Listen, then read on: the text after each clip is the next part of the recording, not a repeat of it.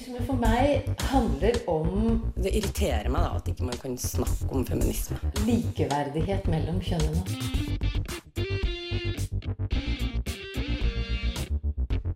Det blikket på kvinnen på film. handlet det om å bli tatt på alvor som jente.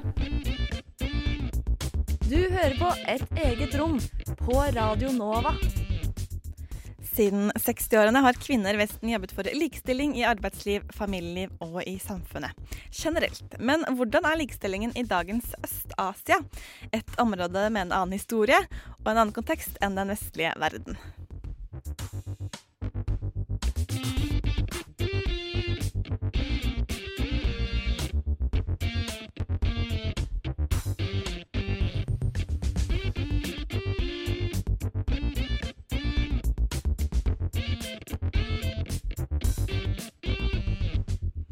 Det handler om kvinneidealer, roller og posisjoner i Øst-Asia, og særlig da Kina og Japan, som vi har satt oss mest inn i i denne utgaven av Et eget rom her på Radio Nova.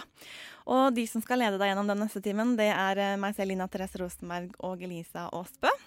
Hallo. Eh, og det var du som kom opp med Øst-Asia. Ja, stemmer det. Nei, jeg bare kom på dette her med skjønnhetsideal, og, og jeg kan egentlig ingenting. Absolutt ingenting, men jeg bare tenkte det kunne vært interessant å bare Lære seg Ja, lære litt og fordype seg litt inn i. Ja Nei, det har vært kjempespennende. Eh, jeg skal eh, være ærlig og si at jeg også startet eh, på veldig blanke ark. Ja. Men det er jo det gøye ved å sette seg litt inn i kvinnesituasjonen i andre steder i verden. Absolutt. Og så er det jo fordi at det er så utrolig langt vekke. Og så har de jo en helt annen kultur og en helt annen historie, så derfor òg er det vanskelig å gjerne forstå, og det er derfor man ikke kan så mye om det. Jeg tenkte vi kunne starte litt med en overblikk. Ja. For det har jo siden starten av 1900 også vært kvinneorganisasjoner i de asiatiske landene. eh, Som i likhet med Vesten har jobbet for å bedre velferden til kvinnene i samfunnet. Eh, Så da har jeg laget en liten sånn oversikt. eh, I korte trekk, så ikke tro at nå får du alt på en gang. Det her er liksom noen punkter eh, som kjennetegner 1900-tallet og kvinner i Asia. Betegnelsen feminisme ble av de fleste asiatiske kvinnegruppene mislikt frem til ut på 2000-tallet. Feminismen ble forbundet med det vestlige som individualistisk, som antifamilie og som ikke overførbar til asiatisk kontekst. Med disse landenes religion, kultur og politisk historie, med imperialisme og kolonier. En vesentlig del av kvinnebevegelsen var derfor å skape nye narrativer om den asiatiske kvinnen. Hvem skulle den asiatiske kvinnen være? Hva var hun, og hva ville hun bli? Heterogeniteten i religion, kultur og historie ga dessuten de forskjellige landene både ulike feministiske posisjoner og forskjellige narrativer på det feminine, i større grad enn i de vestlige landene hvor religion og kultur har vært mer homogent. I den koloniale og postkoloniale konteksten til flere av de asiatiske landene var det en oppblomstring av nasjonale bevegelser. Feminister og kvinnegrupper måtte derfor vise at de ikke bare var del av en global bevegelse, men også at de i stor grad var asiatiske. De nasjonale tradisjonene var i stor grad med på å begrense mulighetene for å utfordre eksisterende narrativer om kvinnen og kvinnens rolle i samfunnet. Selv om kvinnegruppene i stor grad ønsket å distansere seg litt fra de vestlige kvinnegruppene, var mange av kvinnesakene de samme, men samtidig tilpasset lokale kontekster og utfordringer. Deriblant saker som kvinnemishandling og abort. Mens vold i nære relasjoner i Vesten først og fremst handlet om menns mishandling av kvinner, ble svigerforeldres vold mot svigerdøtre viktigere å belyse i de asiatiske landene, der gifte kvinner skulle adlyde ikke bare ektemannen, men også svigerforeldrene. I India og Kina ble det også innført restriksjoner på hvor mange barn hvert foreldrepar kunne få. Og det gjorde kjønnsselektiv abort og drap av nyfødte jentebarn til en stor utfordring i disse landene. I motsetning til Vesten var de asiatiske landene preget av et globalt sexmarked. Og særlig byer som Manila og Bangkok opplevde en stor grad av sexturisme. De asiatiske kvinnegruppene måtte derfor ikke bare kjempe mot lokale problemer knyttet til stor fattigdom og menneskesmugling, men også globale stereotypier om asiatiske kvinner som eksotiske og erotiske. I likhet med Vesten har religion spilt en viktig rolle i å definere det feminine i Asia. Men der religiøse kvinner i Vesten i liten grad har blitt assosiert med feministiske studier, spilte katolske nonner fra India, Filippinene og Hongkong en viktig rolle i feministisk tenkning og teori i Asia. Disse nonnene var ofte høyt utdannet og hadde gjennom sine søsterskap relasjoner til klostre i de vestlige landene. De fikk dermed muligheten til å studere kvinner, religion og feministisk teologi fra et internasjonalt perspektiv. Og mange dannet på bakgrunn av disse studiene lokale kvinneorganisasjoner for å forbedre kvinners velferd både i kirken og i samfunnet. A strong woman, Shit, I know you are, girl. and I scare some Noen sånne toppunkter, eller noen punkter i, den, eh, i kvinnebevegelsen i Øst-Asia eh, gjennom 1900-tallet. Og litt Jeg tror vi kan si at vi strakk oss litt inn på 2000-tallet også. Men alt går i hverandre. Det vi ikke nevnte her, det var jo at den politiske konteksten er ganske annerledes. For i Vesten så har det jo vært veldig sånn stabile demokratier. Mm. Det har jo ikke kjennetegnet eh, de asiatiske landene.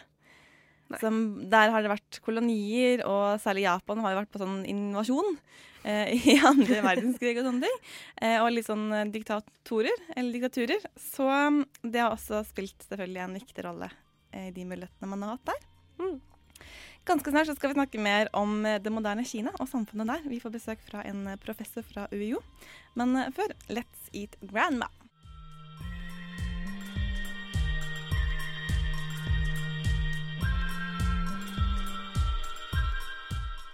Eat grandma hører du her på Radio Nova. Oh, yeah, my, my point is feminism is not about being better than men.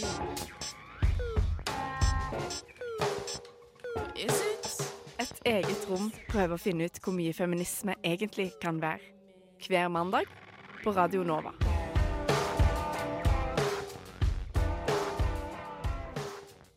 Og temaet denne uken det er Øst-Asia. Eh, og eh, Mette Hansen, du er professor ved UiO i Kina-studiene. Og du vet mye om det moderne Kina og eh, kvinner der. Blant annet det politiske. Og jeg har skjønt at kvinner og politikk ikke er like enkelt der som i Norge. Det spørs jo, hvor enkelt det er i Norge også. Ja, Men øh, det, som vi i hvert fall ser jo veldig tydelig i Kina, det er, at øh, når det gælder ligesom forhold mellem kønnene og kvinders muligheder, så har der i, op igennem historien, hvad skal vi sige, de sidste 40-50 år, eller de sidste 100 år, der er sket veldig store forandringer. Det kan vi kanskje komme tilbake til, men når det gælder det øh, kvinders repræsentation i politisk ledelse, så er det fortsat veldig påfaldende at der på toppen af Kommunistpartiet og toppen af regeringen, det som hedder den stående komité, i, øh, som er virkelig topledelsen, der er der ikke en eneste kvinde repræsenteret. Og hvis vi ser på den lidt større gruppe, politbyrådet i, øh, i, øh, i topledelsen, så er der vældig, vældig få kvinder. Og når man går nedad i det politiske system, så ser vi, at der er flere kvinder på alle niveauer, øh, men det er fortsat vældig, vældig lang vej. Øh, og jeg tænker, at det politiske system, det repræsenterer trods alt nogle ganske grundlæggende magtstrukturer i, øh, de kinesiske, i den kinesiske stat, ligesom det gør i de fleste stater. Øh, sådan at selvom kvinder får flere muligheder, så er det vigtigt at se på, hvordan de egentlig klarer sig, når det gælder politisk magt, rett og slett. Så de er egentlig bare helt nederst. I de politiske, de politiske gruppene? Øh, De er stort sett nederst og i midten, øh, og når de øh, ganske mange av de kvinner som er i sånn mellemledere politiske positioner, de vil ofte stå for, hva skal vi si, mere øh, departementer, som handler om familiestruktur, eksempel. Øh, mange byråer, som styrte ettbarnspolitikken, var ledet av kvinner, eksempel. Men det, som er veldig påfallende, det er jo liksom jo høyere du kommer opp i systemet, jo færre kvinner er der. Og det, at vi ikke har en eneste på toppnivå, og kanskje en to stykker i den 25 øh, store gruppe av, av ledere, det, det, er veldig, det er veldig påfallende. Men som kommuniststat så ville jeg tenkt at kvinner er veldig viktige. Mm. Eh, hvordan har de, har de noen likestillingspolitikk i Kina? De har jo egentlig en ganske god uh, likestillingspolitikk. Uh, og øh, Kommunistpartiet, da de kom til makten i 1949 med Mao Zedong øh, som leder, der satte de veldig hårdt inn på, at der skulle være likhet øh, mellom kønnene. Øh, Mao er jo virkelig blevet berømt for at sige, at kvinner holder den halve, øh, halve verden oppe. Er det verden eller himmelen? Nå ble jeg plutselig i tvivl. Halvparten er i hvert fall Tænk, nå ble jeg plutselig i tvivl. I hvert fald, øh, man øh, innførte en række øh, veldig klare øh, reformer, som skulle give kvinner øh, lige ret til øh, i familien, like rett til arv, øh, lige ret til politisk deltagelse. De skulle selv få lov å velge hvem de kunne gifte seg med, noe som ikke var tilfældet før øh, 1950-årene. Så du kan si Kommunistpartiet har gjort en masse for at få kvinners status frem, og de har rent faktisk også gjort en del veldig gode ting. Sånn at en av de mest en af de største ændringer, vi har set siden 50-tallet og op til i dag, det er, at jenter får uddanning. Øh, det er en, en, en helt ligesom, radikal ændring fra, at det hovedsageligt var gytter, øh, som gik i skole, og gytter, som, blev, som forældrene ønskede skulle, øh, skulle få skolegang, så øh, er der nu øh, reelt set ingen forskel øh, mellem, hvor mange jenter og gytter, som får grundlæggende skoledreng, øh, skolegang. Og veldig mange jenter går videre øh, opad i skolesystemet også. Så det er virkelig noe som er med til å ændre øh, en god del øh, ting, også som gjelder både deltagelse i arbeidsliv og, og, og og sånn sett også det politiske liv, men bare på lavere nivåer. Så det, den politikken de har hatt i noen tiår nå, den har vært helt grunnleggende for å få kvinners rettigheter Ja. Bedre de? Ja, den mener jeg ganske den, den er helt klart ganske avgjørende. Uh, det, det mener jeg. Det er jo noe man sliter med i hele verden, er dette med teori og praksis. Ja, det er det absolutt. ja. Når disse reformene eller den politikken har kommet, hvordan har de blitt mottatt av kinesere? Uh, nå er det veldig komplekst, fordi det er veldig mange reformer, og det her går på veldig mange områder. Så altså, hva skal vi si, når det gjelder uddannelse, så er det helt klart. Det er ni, gangs, ni års obligatorisk skolegang for alle, uh, og i og med, at man faktisk også har klaret å legge til rette for reel skolegang, så er det sånn at de fleste nu øh, får faktisk øh, ni års skolegang, gytter såvel som jenter. Men så har du tilsvarende hatt det, som er veldig velkendt, den, øh, det der ofte bliver kaldt Selv selvom det er litt mer kompliceret enn det, men la oss kalle det ettbarnspolitikk. Og det er klart, det har jeg også vært med til å, å gi noen store ændringer, og sånn, den form for politikk er selvfølgelig blevet modtaget veldig forskelligt øh, af kvinder og af mænd og af folk øh, på landet og af folk i byerne og folk i forskellige øh, sociale lag. Så det er veldig sådan vanskeligt at sige, at, at der er ligesom en måde, den politik er blevet modtaget på. Men jeg tror nok generelt set, så vil der nok være stort set skal vi sige, konsensus om, at det er fint at have en politik, som siger, at folk er ligestillet, men i praksis, så er der veldig mange andre ting, der spiller inn. Både litt holdninger i forhold til, hva det betyder å være mann, og hva det betyder å være kvinne. og også liksom praktisk økonomi og folks levevis. Mette, du skal få lov til å si litt om eh, dette med arbeidsliv også. Eh, men aller først så skal du få arbeide her i eh, et eget rom. I got something to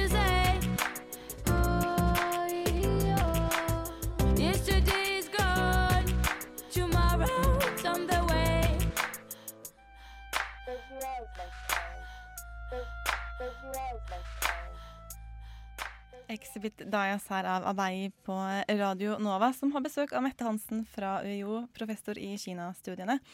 Og vi snakket eh, ganske nylig om eh, kvinner i politikken.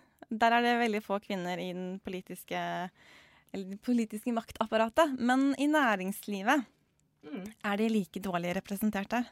Altså det, som er lidt interessant, det er, at vi får jo, vi hører ofte historier i, øh, i vestlige medier om øh, øh, sådan udvalgte kvindelige billionærer, som har gjort det vældig godt i næringslivet. Og det er også øh, sandt, at vi har en del sådan højt profilerede øh, kvindelige øh, næringslivstopper i Kina. Øh, og det virker som om, når man ser på tallene, der er blevet lavet undersøgelser af ILO for eksempel, altså den internationale arbejderorganisation, øh, der er lavet forskellige undersøgelser, som alle egentlig tyder på det samme, nemlig at Kina faktisk kommer veldig godt ud på verdensbasis, når det gælder kvindelig repræsentation i øh, mellem- og højere ledelse i det private næringsliv. Øh, det er lidt interessant, og det, jeg sad og gravede lidt for at finde ud af, hvor gælder det over hele næringslivet. Det, som er lidt interessant, det er, at det ser ud som om, at det er særligt inden for det helt private næringsliv. Mens der finnes jo veldig mange statsejede bedrifter fortsatt i Kina, som, et, som er liksom fortsatt fra, fra tiden, øh, den mere hvad skal vi si, tunge kommunistperiode under Mao Zedong. Der har man fortsatt med at ha statsejede bedrifter, og der er den kvinnelige repræsentation til synlandet ganske lav. Noget, som passer litt sammen med, at de er dårlig repræsenteret i, i det politiske. Men det virker som om innenfor næringslivet er, er der i hvert fall en, en, noget mere, øh, altså noget bedre muligheder egentlig for kvinner for å gjøre, øh, karriere. Men i Japan, som ikke er så langt unna, så er det et stort problem at kvinner ikke klarer å kombinere jobb eh, og familie. Hvordan er det i Kina? Er det tilrettelagt for at kvinner kan være både mødre og karrierekvinner? Nei, altså igen, det er ekstremt komplekst. Altså jeg vil faktisk si det sånn at Kina er virkelig kontrasternes land. Altså du finner faktisk, øh, du finner yderpunkterne, øh, og du finner egentlig alt. Øh, så derfor er det altid det der med at prøve at ligesom isolere nogle store trende. Altså hvor, hvor, hvor er det ligesom trendene går. Og der vil jeg sige, at på nogle områder, der er det, når det gælder at kombinere arbejdsliv og familie, blevet enklere at være kvinde, og på andre områder er det blevet mye vanskeligere. Øh, men i forhold til lad os sige i forhold til USA for eksempel, og i forhold til Japan, du har øh, i hvert fald garanteret tre måneders øh, barselspermission. Og så kommer det andet lidt sådan paradoxale ind, at i hele den periode, hvor du bare kunne få et barn, så satte det også en vis begrænsning for, øh, hvor mye pres der var på, på kvinnene for å bli hjemme øh, og passe på barn, når det faktisk bare var et barn. Og tradisjonen har vært, og er for mange fortsatt, at bedsteforældrene bidrager veldig mye til pasning av barn. Og igjen, hvis du kun har et barn, eller du kanskje kun har to barnebarn, eller noen ganske få, så er der egentlig en del muligheter for den type hjelp. Endnu en ting, det er ganske billig for middelklassen å hyre øh, hjælp i hjemmet. Sådan at fattige, eller hvad skal vi sige, fattige, fattigere kvinder fra landsbygder eksempel bliver hyret ind i byerne til at passe øh, for en relativt lav løn, passe øh, øh, barn og, og hus, og dermed gør det muligt for kvinderne at arbejde ude. Sådan at du har en, du har en ganske stor deltagelse af kvinder i, i arbejdslivet i, i byerne i Kina. Øh, også på landet selvfølgelig, men øh, du, du, generelt set har du det, og du, der er nok mange, der opplever at de har en mulighet for å kombinere, kombinere begge dele. Men gjelder det også uh, høyere utdanning? For andre steder så er det veldig sånn prioritering av guttebarn. Men hvis man bare har ett barn, en jente eller to jenter eller en guttejente, så blir vel det litt annerledes. Ja, altså Før i tiden så hadde du veldig klart, øh, og jeg vil si øh, til, egentlig opp til 50-årene, da hadde du en veldig klar, klar prioritering av gutter i, i uddanning. Nu, hvor, hvor flere og flere øh, kun fikk lov til å ha et barn, og mange der hadde en datter, der er det veldig klart, at der prioriterer man den datter i utdannelsessystemet. Det, som er, er, er litt sånn, hva skal vi sige, det nye problem, som vi ser inden for de siste 10-15 år, kanskje 10 år især, det er, at der også er blevet veldig meget pres på, at du både skal være en højt uddannet kvinde, en succesrig kvinde, du skal tjene godt, du skal også være veldig pæn, du skal kunne skaffe dig en mand, dermed må du heller ikke være, du må gerne være veldig pæn, men du må heller ikke være alt for succesrig på, inden for uddannelse for. Du skal helst ikke gøre det bedre end dine potentielle mænd potentielle mand. Så der er ligesom en del sådan holdninger, som er blevet ganske tunge for en del øh, højtuddannede kvinder at takle. Vi har set sådan en, en, en, et nyt begreb, som kom frem, som er ligesom overskudskvinder, nye hedder det, hvor de, som for eksempel har en, en, en doktorgradsuddannelse, eller bare en masteruddannelse, og ikke er gift, når de er, hvad skal vi sige, 6-27 år, i hvert fald 28 år, der skal du helst være gift de ligesom bliver for, har fået sådan et, et mærkelap på sig. Okay, der er de overskudskvinder, det er trist for dem. Fint, de har en uddannelse, men de finder aldrig en mand. Og det er der en del sådan feministiske grupper i Kina, som er kæmpet, begyndt at kæmpe stærkt imod. Og de har for eksempel omgjort, på kinesiske så hedder det Shang Nye, men det er Shang, som betyder overskuds. Det kan man skrive med et andet kinesisk tegn, og så betyder det sejrrig, altså victory og victorious. Så de har lavet det om og sige, nej, vi er ikke overskudskvinder, vi er sejrrige kvinder. Men det viser bare, at der er ligesom sådan en pågående diskusjon om, hvad betyder det egentlig at være kvinde i Kina i dag? Vi skal snakke litt mer om eh, holdninger til, til eh, kinesiske kvinner, men aller først, her er Tristesse.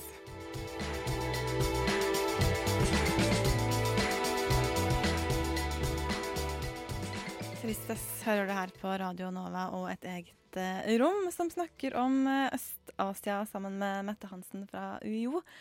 Og vi snakket litt om eh, eh, dette med at karrierekvinner de får bedre muligheter nå, men de kan ikke være bedre enn mannen. Og så snakket vi om mens vi hørte på låten her, at de må jo gifte seg, for det er normen. Ja. Eh, Vil du si litt om denne holdningen om at de må gifte seg, alle disse kvinnene? Mm. Du kan alltid finne unntak. det er klart. Det er alltid sånn når du snakker om liksom, de store tendenser, så er det liksom nej, sånn er det ikke, fordi jeg kendte en, hvor det ikke var sånn. Og det er også helt sant. Jeg vil likevel sige, at der er et veldig stort pres på høyt utdannede kvinner, og alle kvinner i Kina, for at du må faktisk gifte, seg, gifte deg. og du må gjøre det, før du blir 30. Øh, Du må sikre øh, familien, og du skjønner det i og for seg litt fra forældrenes øh, perspektiv også, fordi altså, det er børnene, som er per, i, ifølge loven forpliktet til å forsørge sine forældre. Og i og med, at mange øh, ældre, øh, der kun har mulighed for at have et øh, barn, kanskje to, mange har jo fået to, likevel noen tre, men altså antallet barn og barnebarn er betydelig mindre, der blir det veldig viktig for dig, at du har nogen, der kan forsørge dig videre. Og dermed styrker du på en måde også den, den ligesom, traditionen om, at du, du må faktisk gifte dig som kvinde i en relativt ung alder. Øh, men det tager jo nogle gange nogle, hvad skal vi sige, nogle ganske sådan tunge, øh, det får nogle tunge udslag, sådan at vi så for, ny, for nylig en ting, som jeg synes var ganske interessant, at med den nye, øh, den første kvindelige præsident øh, i Taiwan, som er begyndt øh, som præsident øh, netop nu, hun blev kritiseret i øh, officiel, øh, et officielt øh, kinesisk nyhedsbureau, øh, det største nyhedsbyrå, for at hun sandsynligvis var ganske, en ganske ustabil leder, fordi hun er ikke gift, hun har ikke barn. Og det, som kommentatoren skrev, det var, at øh, der ville hun ikke opleve ligesom, den store kærlighed rundt sin familie, men heller ikke presset om, hvordan du skal ligesom, jobbe samtidig med have børn, barn. Øh, det skabte, det, det resulterede i stor, hvad skal vi sige, stor debat selvfølgelig. Øh, og det må siges også, at den kommentar blev hurtigt fjernet fra de fleste officielle netsider. Men den repræsenterer alligevel en, en, en, en ganske stærk holdning, som på en måde er, at, at for at blive et, et fuldværd, en fuldværdig kvinde, så kan du godt gøre karriere, og du kan godt have stor succes, men du, du må også gifte dig, og du må, du må have barn. Men når eh, de gifter seg, og så har de muligheter, særlig i det private næringslivet, og de får utdannelse, men hvordan er likestillingen i ekteskapene? Øh, det er et annet veldig stort tema, og det er det er veldig stor forskel på. Uh, igen, Kina er kontrasternes land. Du finner, du finner, forhold i Kina, som er ganske ligestilte. Du finner uh, mye oftere menn som også øh, handler, passer barn, uh, lager mat. Det er ikke sånn at det er et sjeldent syn på noen måte i Kina. Men så ser du også, øh, at Kina har en ganske høy en, en, en, skremmende høy øh, andel af øh, vold i hjemmet. Der finnes en god del kvinneorganisasjoner som jobb, har jobbet i mange, mange år med øh, hjelpe kvinner og barn som har vært utsatt for vold i hjemmet. Og det er klart, vi har veldig veldig store mørketal.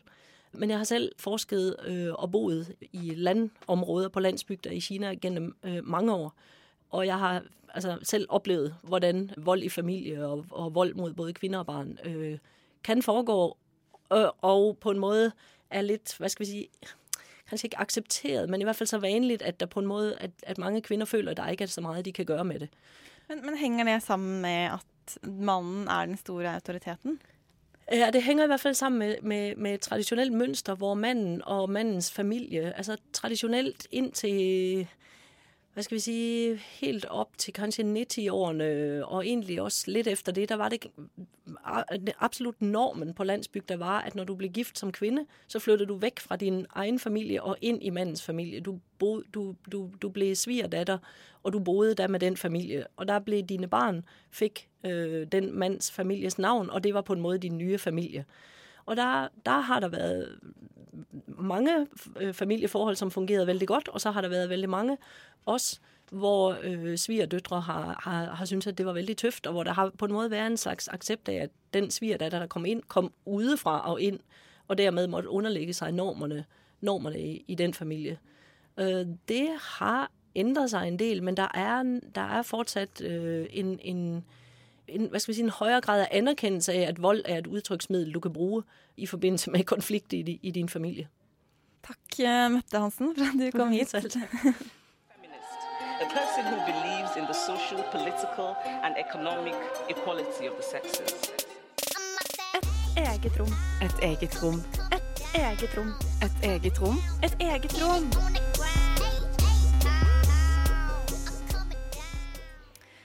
eh, eget rom denne uken hører eh, du på. Ja, ja, vi snakker om Øst-Asia, var det jeg skulle prøve å si. Og her er uh, Pollenface.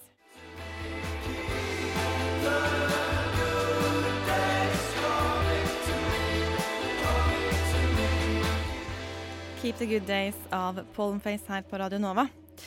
I klesstilen Lolita den regnes fortsatt som en subkultur i Japan, men allikevel masseproduseres den. Den særegne stilen er både søt, uskyldig og elegant.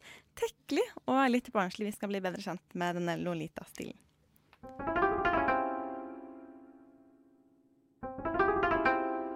Bjelleforma skjørt som går i alle fall ned til knærne.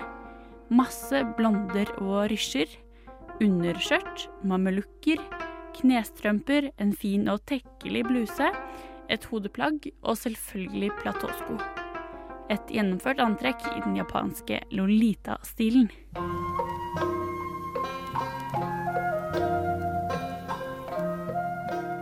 Lolita-stilen er tydelig inspirert av rokokkotiden og den viktorianske perioden, og kjennetegnes av en sånn paradoksal kombinasjon av barnlig uskyldighet og gammeldags eleganse.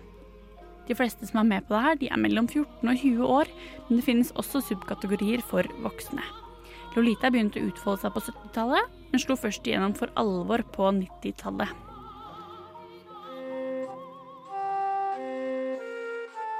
Det finnes et hav av subkategorier innenfor Lolita-stilen. Du har f.eks. gotisk Lolita, med mørke farger og sterk sminke. Wa-Lolita, som kombinerer Lolita-stilen med tradisjonelle japanske elementer som kimono. Casual Lolita, som er litt mer praktisk og nedtona variant, der du kan inkludere en hettegenser med søte mønster, f.eks. Eller så finnes også Ouija-stilen, som er et mannlig alternativ med genser og bukse istedenfor kjole, men det her brukes også av kvinner. Du tenker sikkert at Lolita-stilen har noe med Nabokovs Lolita-bok. Boka om den eldre mannens seksuelle forhold til en jente som er altfor ung for han. Men sammenhengen mellom Lolita-boka og Lolita-stilen er faktisk ikke så åpenbar som man skulle tro. Lolita-stilen handler ikke om den seksuelt provoserende unge piken, men heller om noe fint ved det barnslige og uskyldige.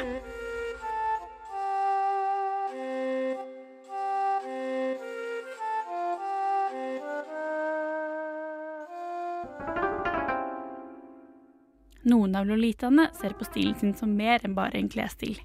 Det blir også en egen livsstil, med en spesiell type oppførsel, gjerne basert på tradisjonelle kvinneidealer, men som alltid med et fokus på det barnlige og uskyldige. De tar gjerne del i typiske Lolita-aktiviteter, som teselskap og lignende. Kanskje kan flukten inn i den barnlige og uskyldige verden være en måte å takle omverdenen på? Eline Hystad var det som hadde satt seg litt inn i denne Lolita-stilen, som har begynt å komme litt til Norden også. Ja, jeg Vi ser liker det. jo å se litt til uh, Asia og disse anime-stilen og litt forskjellig. Ja. Men uh, kan man se det her fra litt sånn feministisk ståsted?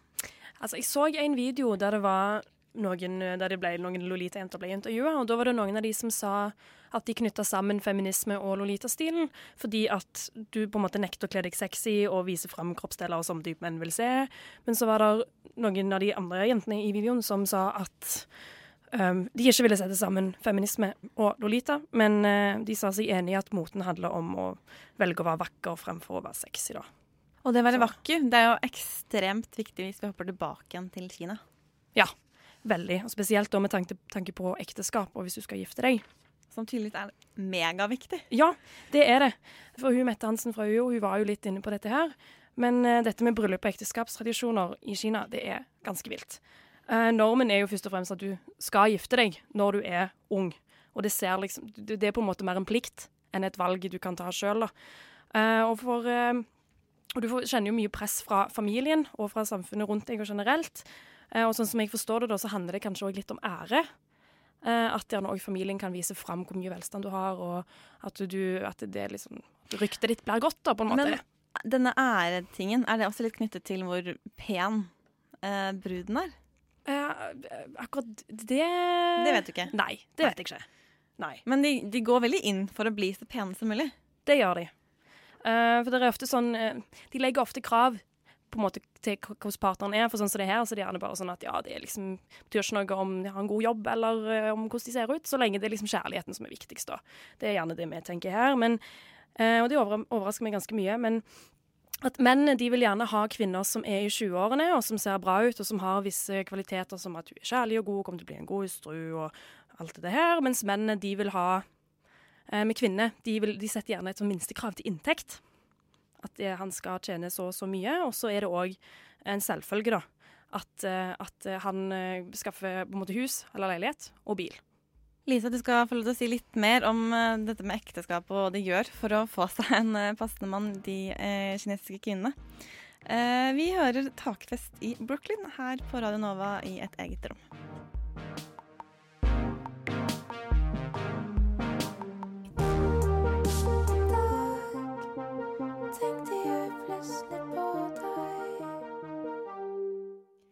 Fela med takfest i Brooklyn her på Radio Nova. Det er Lisa og Linda som eh, holder deg med selskap. Og med kvinner og Øst-Asia. Og nå i Kina. Ja. Eh, for de opererer seg Stemmer det. for å gifte seg. Ja. Sånn så det, altså, en kvinnes verdi bestemmes litt ut ifra om du har en mann eller ikke. Og da må man jo på en måte gjøre alt man kan for å finne seg en mann, og da er det veldig mange som velger å operere seg for å ligne mer på idealkvinnen, da.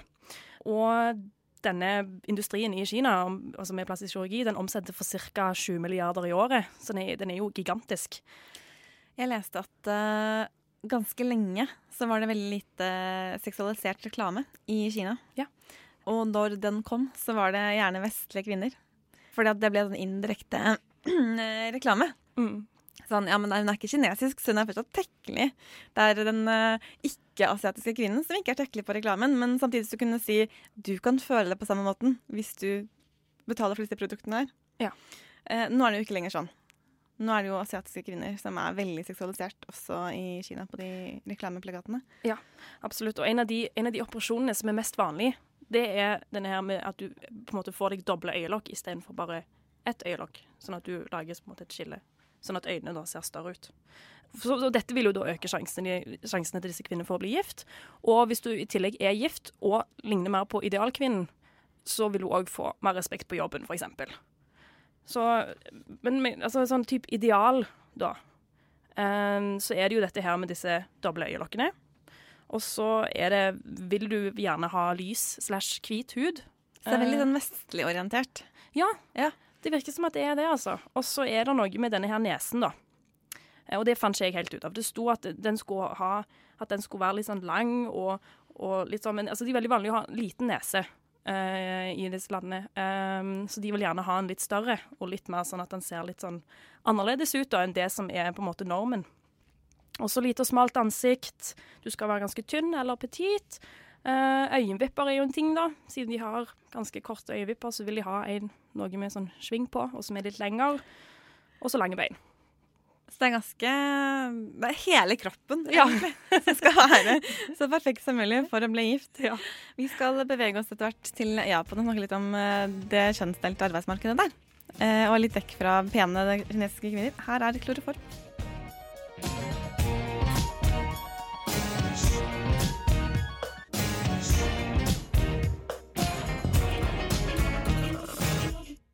Kloroform med låta 'Lakris', Radio Nova, Et eget rom, Lisa og Linda. Det var det du trengte å vite akkurat nå, du som hører på. Vi snakker om kvinner i Øst-Asia. Og i Japan, der er det veldig kjønnsdelt arbeidsmarked. Mm.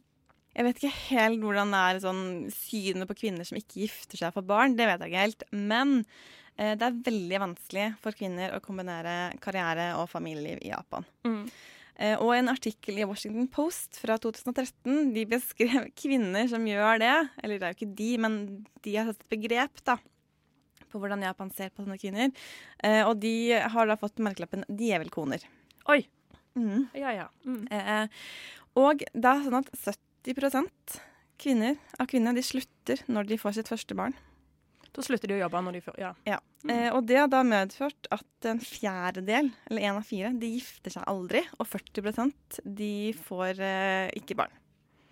Så Japan de har et stort problem. Det er ikke nok barn. Slik at om noen år så kommer de til å få en kjempeeldrebølge. Mm. Eh, og det påvirker veldig økonomien her også. Men noe av grunnen er jo at eh, de har veldig lange arbeidsdager. Eh, og det er veldig lite tilrettelagt med dagmammaer og barnehager. Eh, og en tradisjon om at mannen skal prioritere karriere fremfor familien. Og det kan jo ikke både mor og far gjøre. Det går jo ikke. Nei. Eh, slik at eh, mannen er på jobb hele dagen, og da må mor rett og slett bli hjemme. Det er en del som går tilbake til jobb. Eh, I gjennomsnitt tar det tre år før de går tilbake til jobb etter at de er ferdig med å få barn, egentlig. Ja. Eller hvis ikke de må tilbake til jobb. Da. Det er noen som sikkert av økonomiske grunner må jobbe. Mm. Da er det veldig ofte eh, i deltidsstillinger. Lavere stillinger enn de hadde opprinnelig. Ja. Eh, og også gjerne i en annen bransje, hvor det er lettere å være mer fleksibel. Ja. Og jobbe mindre. Så det er ikke så mye tilrettelegging med tanke på barselpermisjon og, og sånne ting som det her? At du får Det ble Men- innført en uh, barselpermisjon og også pappapermisjon i 1992. Ja, OK. Så muligheten er der. Men, uh, men jeg tror det er det at tradisjonene de styrer litt mye.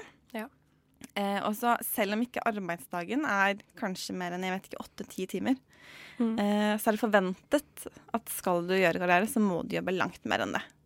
Okay. Og karriereformen i Japan er visstnok veldig, veldig viktig. Ja. Og da bare blir det sånn, egentlig. Ja, det er en del av det å være en mann, er at du har Ja. god karriere. Ja, egentlig. Ja. Og det går litt sånn på bekostning av kvinner. Mm. Så da blir det litt sånn familie, ikke familie. Mm. Eh, da må man velge. Ja, ikke sant. Så det, det er veldig rart at det er så stor forskjell fra land til land. Man tenker liksom, Det er jo ikke så langt fra, fra Kina til Japan. Nei, det er jo ikke det. Men Eh, det er jo og likevel så er det nesten eh, det motsatte, egentlig. Eller som hun Mette sa, der eh, Asia er kontrastenes Eller ja, Kina er kontrastenes land. Mm. Det er sikkert begge deler. Men eh, man, jeg vil tro at det var litt likere, da. Ja, Særlig samme. siden det har en veldig sånn økonomisk eh, Det er økonomisk i verden, i Japan. Ja. Her er Beach Fossils.